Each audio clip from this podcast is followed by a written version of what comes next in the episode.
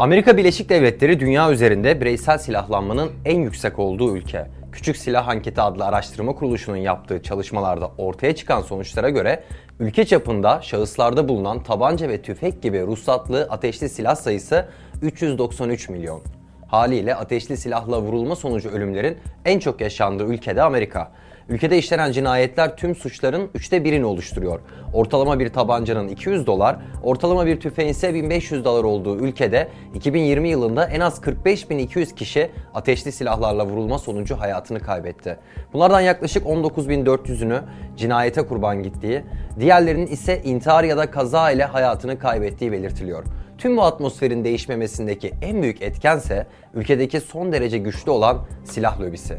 Peki kim bunlar? İçeriye geçmeden yalnızca birkaç saniyenizi alacağız. GZT olarak Yaptığımız işi seviyoruz ve Çok çalışıyoruz. amacımız da GZT YouTube kanalını 1 milyon aboneye ulaştırmak. Bu da sadece sizin katkınızla mümkün. abone ol butonuna tıklayarak 1 milyon yolculuğumuzda bize destek olabilirsiniz. bir kişiden ne olur demeyin. bizim için çok önemli. Şimdiden teşekkür ediyor. ve hemen içeriye dönüyoruz. başlayalım. Amerika Birleşik Devletleri ve silah dediğimizde akıllara ilk gelen işgal edilen ülkeler ve dünyanın dört bir yanına yayılmış Amerikan üsleri oluyor. Ancak madalyonun öteki yüzünde bizzat ülke içinde peynir ekmek gibi alınıp satılan silahlar yer alıyor. Bireysel silahlanmanın kişisel güvenlik kaygısını geçtiği, insanların adeta askeri silah koleksiyonu yaptığı ülkede sivil terör de hiçbir ülkede olmadığı kadar yaygın. Ne yazık ki bunların sonuncusuysa Teksas'ta yaşandı. 18 yaşındaki saldırgan silahlı şekilde bir ilkokula girerek 19 öğrenci ve 2 öğretmeni öldürdü. Olay üzerine ülke çapında hem demokratlardan hem cumhuriyetçilerden pek çok siyasetçi üzüntülerini dile getirdi, taziye mesajları yayınladı. Ancak herkesin aklı esas konudaydı. Ateşli silah edinmeyi zorlaştıran yasal değişiklikler. Beyaz Saray'da basın toplantısı düzenleyen Başkan Joe Biden, göreve gelmeden önce böyle bir konuşma yapmak zorunda kalmamak için dua etmiştim. Daha bir hafta önce New York'un Buffalo şehrinde başka bir silahlı saldırı oldu. Ne zaman silah lobisine dur diyeceğiz, dedi. Peki kim bu silah lobisi? Amerika Birleşik Devletleri'nin en büyük silah lobisi NRA kısa ismiyle bilinen Ulusal Tüfek Birliği. Grup 1871'de iki Amerika Birleşik Devletleri İç Savaş gazisi tarafından bilimsel temelde tüfek atışını teşvik etmek için tasarlanmış bir eğlence grubu olarak kuruldu. NRA'nın siyasi lobi faaliyetlerine giden yolu 1934'te başladı.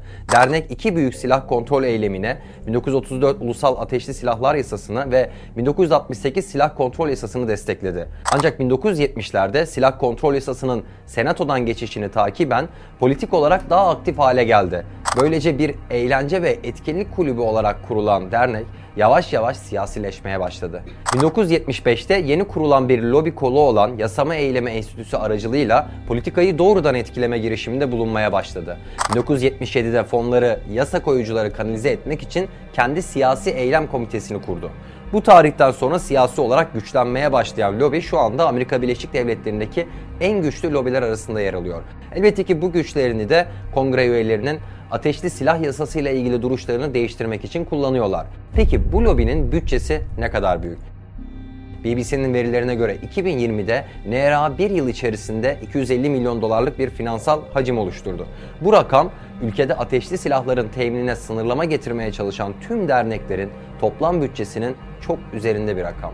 Lobi çalışmaları için NRA yılda yaklaşık 3 milyon dolar harcıyor. Tabi bu miktarın sadece kayıt altına alınan miktar olduğunu unutmamak gerek. Lobinin en güçlü olduğu ekipse Cumhuriyetçi Parti. NRA genelde kırsal kesimden oy alan politikacıların maddi destekçisi konumunda. Bu sebeple en çok desteği seçim bölgesi kırsal kesim olan cumhuriyetçilere veriyor.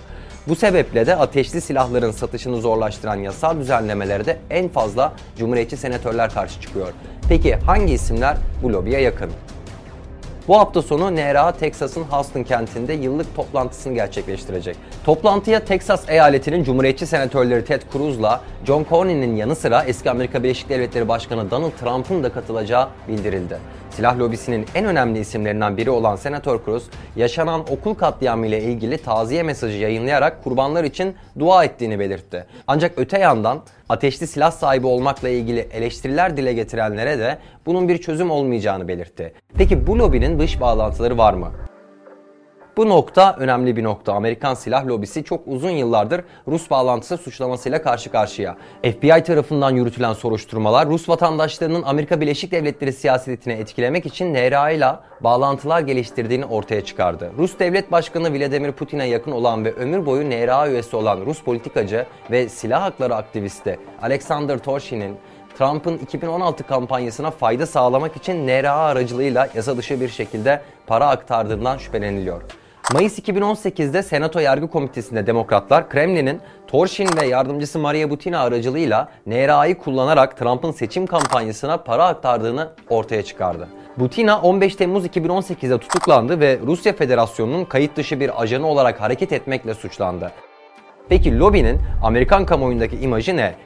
Nisan 2012'de yapılan bir ankete göre Cumhuriyetçilerin %82'si ve Demokratların %55'i NRA'yı olumlu bir yapı olarak görüyor. Ekim 2015'te siyasi bağlantılar arasında geniş bir yayılma olmasına rağmen Amerikalıların %58'i NRA hakkında olumlu bir görüşe sahipti. Muhafazakarların %77'si, ılımlıların %56'sı ve liberallerin %30'u bu görüşteydi.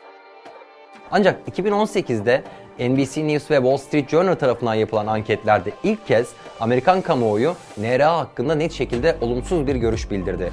O tarihten bugüne de lobiye olumlu bakıştaki düşüş eğilimi sürdü. Peki bu lobi dağıtılabilir mi? Elbette ki imkansız değil ancak düşünüldüğü kadar da kolay değil. Ateşli silah edinme Amerikan anayasasıyla güvence altına alınmış bir hak. Bireysel silahlanmayı savunan senatörler de bu anayasal hakkı kendilerine zemin olarak alıyorlar. Karşı argümanlarsa bu hakkın o dönemdeki silahlar için verildiğini, modern silahların gelişmişliğinden ötürü bu yasanın tekrar değerlendirmesi gerektiğini belirtiyor. Amerika'daki bu tartışma daha uzun süre devam edecek gibi görünüyor. Bu konuda lobinin özellikle siyasi alandaki gücünü sınırlamak tartışmayı daha sağlıklı ve şeffaf bir alana çekecektir. Ancak bu bile yakın zamanda çok zor bir ihtimal.